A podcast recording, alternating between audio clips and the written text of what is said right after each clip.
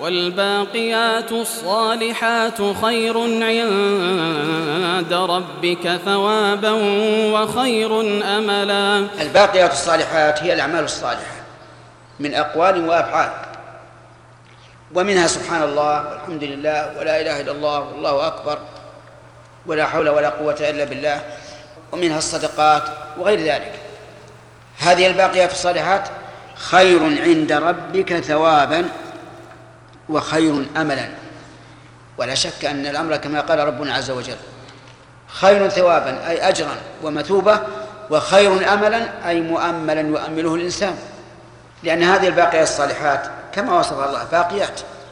أما أما الدنيا فهي فانية فانية وزائلة.